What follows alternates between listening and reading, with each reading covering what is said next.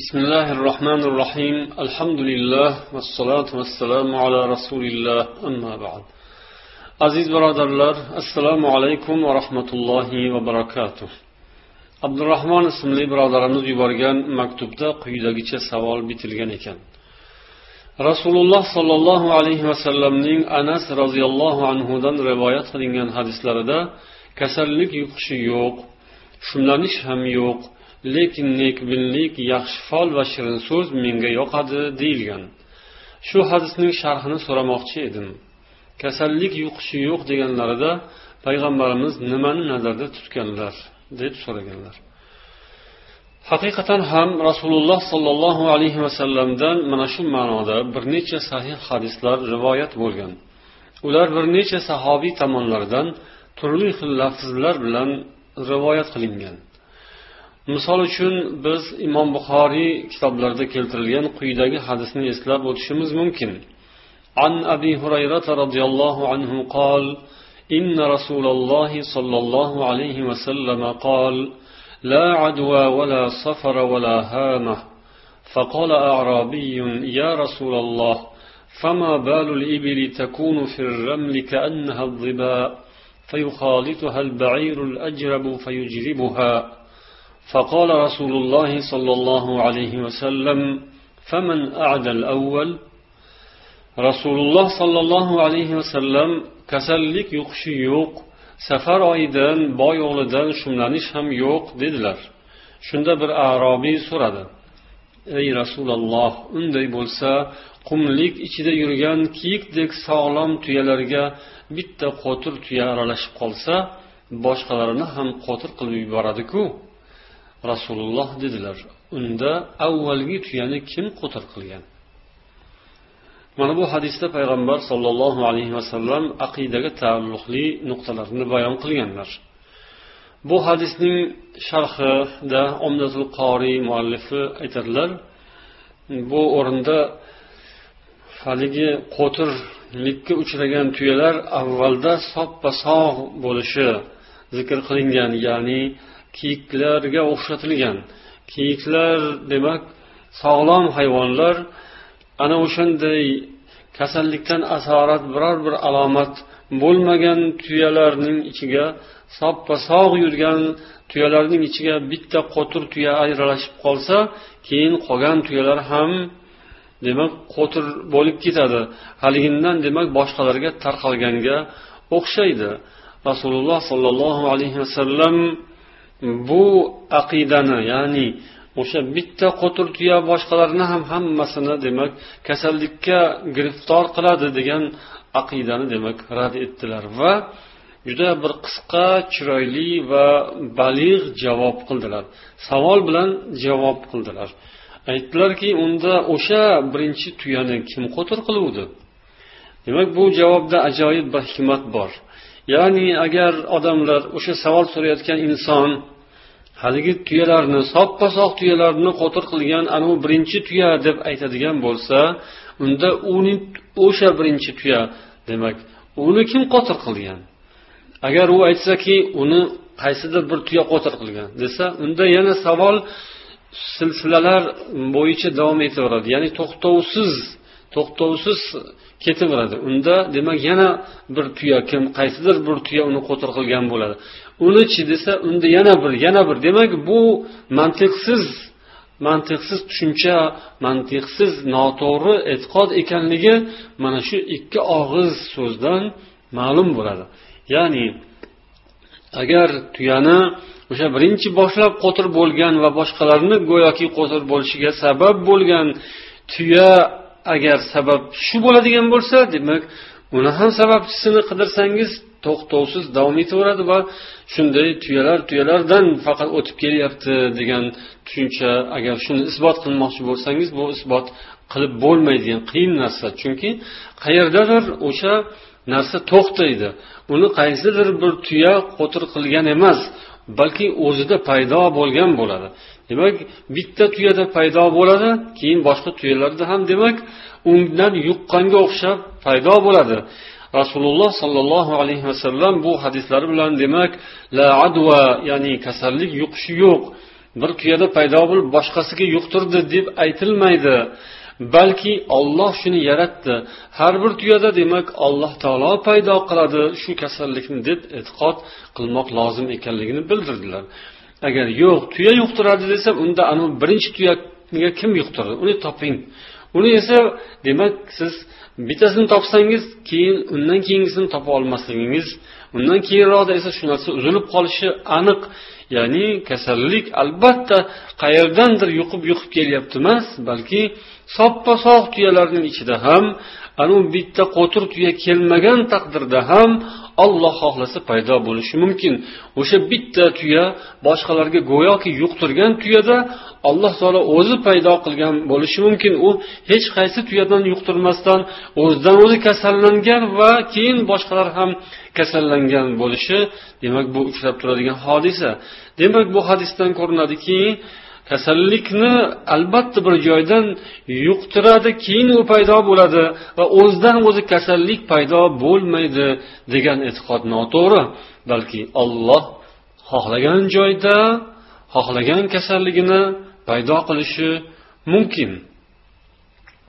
Endi mana shu hadisning muqobilida yana sahihil buxoriyda ayni shu roviy ya'ni abu hurayra roziyallohu anhudan bir qarashda mana shu hadisga zid bo'lgan yana boshqa hadis ham rivoyat bo'lgan bu besh ming yetti yuz yetmish birinchi raqamli hadis عن أبي هريرة رضي الله عنه يقول قال النبي صلى الله عليه وسلم لا يوردن ممرض على مصح وأنكر أبو هريرة حديث الأول قلنا ألم تحدث أنه لا عدوى bu hadisda abu hurayra roziyallohu anhudan rivoyat qilinadi. U kishi aytadilar payg'ambar sollallohu alayhi vasallam dedilar kasallangan chorvasi bo'lgan odam sog'lom chorvali insonga chorvasini qo'shmasin. Ya'ni kasallangan hayvonlarni sog'lom hayvonlarga qo'shmasin degan hadislarni abu hurayra roziyallohu anhu rivoyat qilganlar yuqoridagi hadisga bu hadisning zohiri zidga o'xshaydi. U hadisda yuqish kasallik yuqishi yo'q deb aytilyapti. Bu hadisda esa kasal hayvonlarni sog'lom hayvonlarga qo'shmangiz deb aytyaptilar mana shu hadisni eshitgan abu salama abu hurayradan eshitgan paytlarida siz mana bu hadisni ham rivoyat qilmaganmidingiz? deb so'raganlar. Shunda abu hurayra tan olmagan ekanlar. Ya'ni u hadisni rivoyat qilganlarini eslay olmagan ekanlar. Bundan ulamolar xulosa qilishadi ya'ni qanday? Bu hadis buni rad etadimi? Yo'q. Hadis ulamolari aytadilarki agar hadislar mana shunday zohirdan bir biriga agar xilof kelib qoladigan bo'lsa uni albatta jamlashga ya'ni bir biriga muvofiqlashtirishga harakat qilinadi. Ya'ni shu shariat islomiyaning ahkomlari asosida boshqa oyatu hadislar va islomiy masalalar islomiy aqida hammasiga demak suyangan holda bu ikki hadisni bir biriga demak muvofiqlashtirishga harakat qilinadi. Ana shunday tahqiqlar tadqiqotlarning natijasida imomlar aytishadi.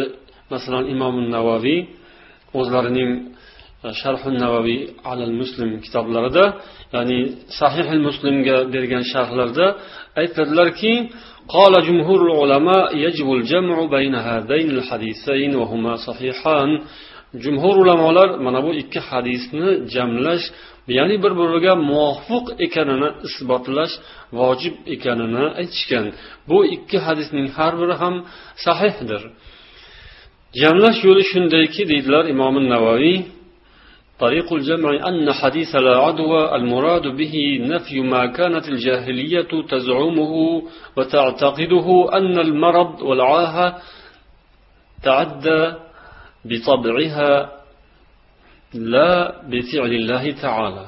جاهلية paytidagi odamlar kasallik o'zidan o'zi yuqadi o'zining mohiyati kasallik o'zi tabiati bilan demak boshqalarga o'tadi deb e'tiqod qiladilar. Buni ollohga nisbat bermas edilar. Demak ana shu narsani rad etish birinchi hadisdan maqsad shu. Ya'ni kasallik o'z o'zidan yuqmaydi balki uni olloh paydo qiladi. Boshqa hayvonda masalan paydo qilish ollohniki birinchi hayvonda ham olloh paydo qiladi boshqasiga ham o'tishni agar xohlasa olloh o'tkazadi o'tkazadi. Agar olloh xohlamasa o'tkazmaydi. Mana shu e'tiqodda bo'lishi kerak musulmon odam. Ammo jahiliyat davrining kishilari esa demak kasallikning o'zida o'zida bo'ladi. Kasallikning o'zi demak xohlasa o'tadi xohlamasa o'tmaydi. Kasallikdan deb hamma narsani kasallikning o'ziga demak asosiy faoliyat asosiy demak harakat asosiy iroda kasallikda bo'ladi deb e'tiqod qilishgan. Islom esa buni rad etgan. Mana shu hadisdan demak shu ma'no chiqadi. Ollohga bog'lash kerak. Olloh xohlasa demak u o'tadi olloh xohlamasa o'tmaydi. Ikkinchi hadis la mumridun ala musih. Ya'ni kasal chorvasi bo'lgan odam hali sog'lom chorvaga aralashtirmasin degandan murod esa فأرشد فيه إلى مجانبة ما يحصل الضرر عنده في العادة بفعل الله تعالى وقدره عادة allohning taqdiri bilan kasallik paydo bo'lishiga sabab bo'ladigan narsalardan demak yiroq bo'lishga da'vat qilinadi demak bu hadisda demak kasallik odatan haqiqatan o'shanday joylarda demak gumon qilinadigan mana shu kasallik paydo bo'lishi ehtimoli bor xavfi bor bo'lsa demak o'shandan ehtiyot bo'lishga da'vat bor. Demak hadis ikki hadis bir biriga zid emas balki bir masalaning bir necha xil tomonlarini yoritadi. Kasallik alloh taoloning irodasi bilan xohishi bilan demak ko'payishi mumkin tarqalishi mumkin yoki to'xtashi mumkin.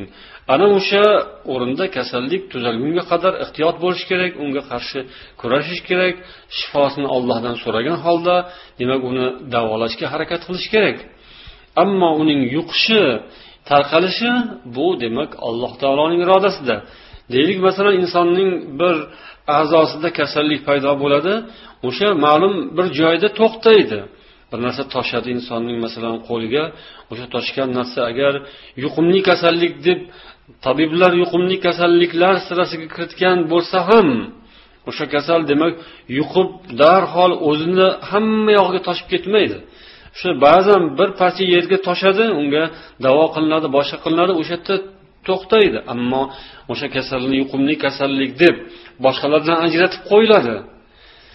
Lekin qarasangiz o'sha o'zida paydo bo'lgan kasal yuqumli kasal demak tabiblar nazarida nima uchun tarqab ketmaydi darhol?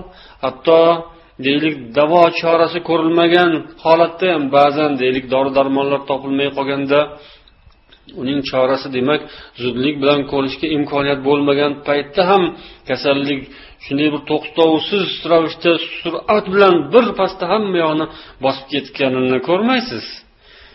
Balki demak mana shu o'rinda ham demak islom aqidasining haqligi ko'rinadiki o'sha kasallik paydo bo'lishi ollohdan uning tarqalishi yuqishi ham ollohdan uning demak taralishi badanni hammasini qoplab olishi yoki qoplab olmasligi bu ham ollohdan lekin shu bilan bir qatorda kasallikka qarshi kurashish uni davolash bu ham demak shariatdan bu ham demak islom buyurgan amal.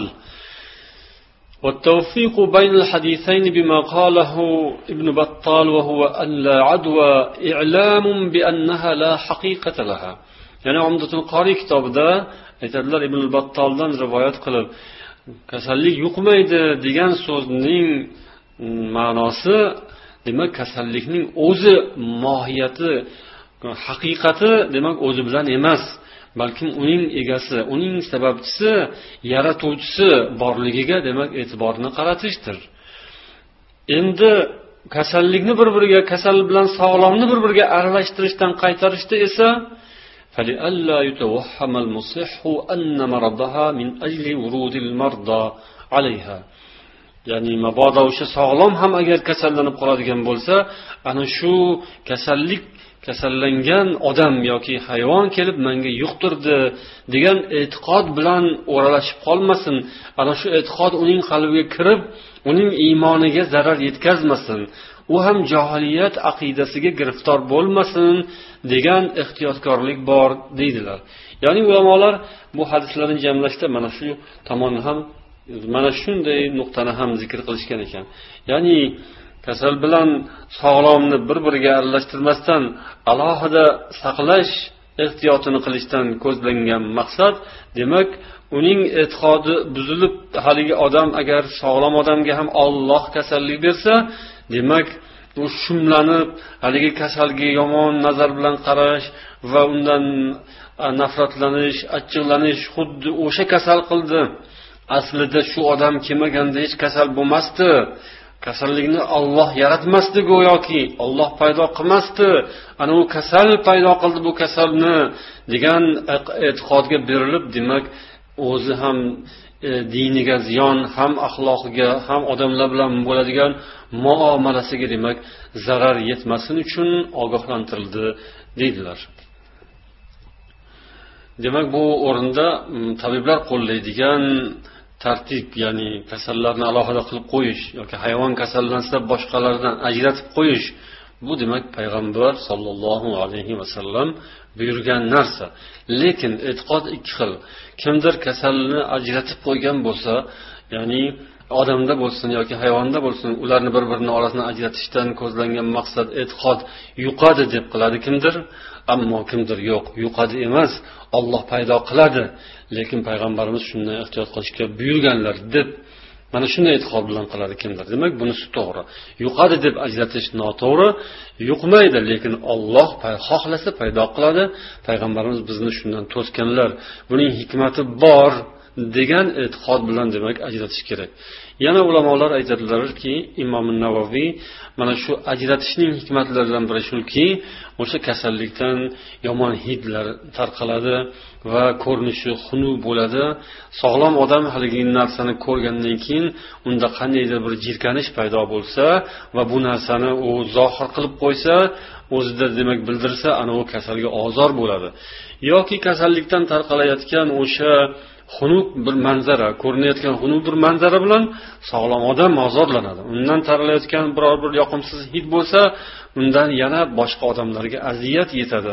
Mana shuning uchun ham demak kasallikka chalingan e, o'shanday kasallik bo'lsa undan demak alohida qilish bir biriga demak e, aralashtirib yubormaslik chaqiriq mana shu hikmatlarga asoslangan bo'lsa kerak degan e, bu sharhlarni ham ulamolar yozganlar.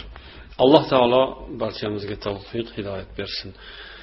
Assalomu alaykum va rahmatullohi va barakatuh.